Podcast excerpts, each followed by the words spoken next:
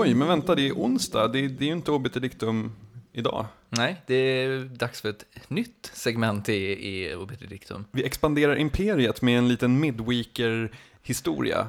Det är så under hösten ska vi utforska lite fruktade ljud i den här serien inslag som vi kommer släppa på onsdagar, som bara är en liten kortare variant. Mm, vi sitter just nu på Hotel Stay At i Mas Malmö Massetti eller Precis. något sånt där heter det. Eh, och det, vi tänkte helt enkelt ta oss an, utforska floran av eh, fruktade ljud som finns där ute. Och dagens Ja. fruktade ljud. Precis, det ni hörde det var alltså en Geigermätare. Mm, Eh, ett fruktat ljud. Verkligen känns det som. Eh, jämt när, när man hör det ljudet så förs ju tankarna direkt till liksom Tjernobyl, till eh, ra- radioaktiva läckor etc.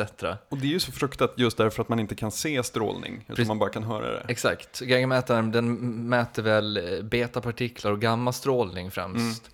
Eh, och det är liksom, man vet, det har man ingen aning om var det finns liksom. Precis, och det, det, det som är så skrämmande med den också är att man liksom inte har försökt göra någon slick, cool digital display som visar att så här mycket strålning är det, utan det är fortfarande det här torra, knastrande, liksom, Precis, Den- det är knastret och sen mätaren liksom, som, är bara, som är bara en, en, liten, en liten, analog. precis, en liten pinne som rör sig på en skala liksom. Och, och det är ju så fruktat just därför att, känner jag i alla fall, eh, du kan komma in i en lägenhet eller i en skog eller vad som helst Mm. och allt känns okej. Och sen är du i skogen och upptäcker att vänta nu, varför har jag inga fåglar? Och sen drar du fram din Geigermätare och då bara knastrar det. Precis.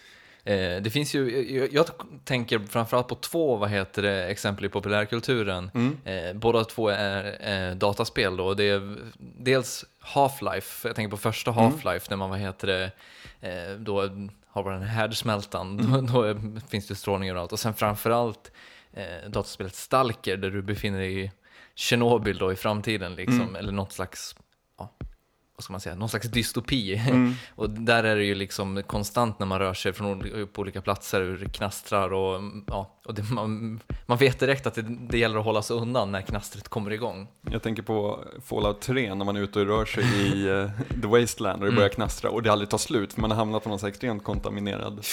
Och sen Kraftwerk inleder ju sin, eh, sitt klassiska album Radioaktivitet med eh, just låten Geiger Counter. Något som jag också helt osökt egentligen kommer att tänka på det är ju när man hade de här första eh, experimenten med, med atomklyvning och sånt som man gjorde liksom inför publik utan några skydd eller någonting. Så man bara hade det på ett bord så här. Kolla vad vi kan och så utvann man liksom el som någon lampa glödde och alla applåderade liksom. Eh, där kanske en Geiger Counter hade varit liksom På sin plats. och eh, med den ystra bilden så avslutar vi väl det här första, the first installment av fruktade ljud. Precis, eh, det kommer ju vara ett återkommande segment som vi kan höra då på onsdagar här. Eh, Men som vanligt då på fredag så är det ett vanligt, långt, härligt avsnitt av Obit Dictum. Ha det fint tills dess. Tack!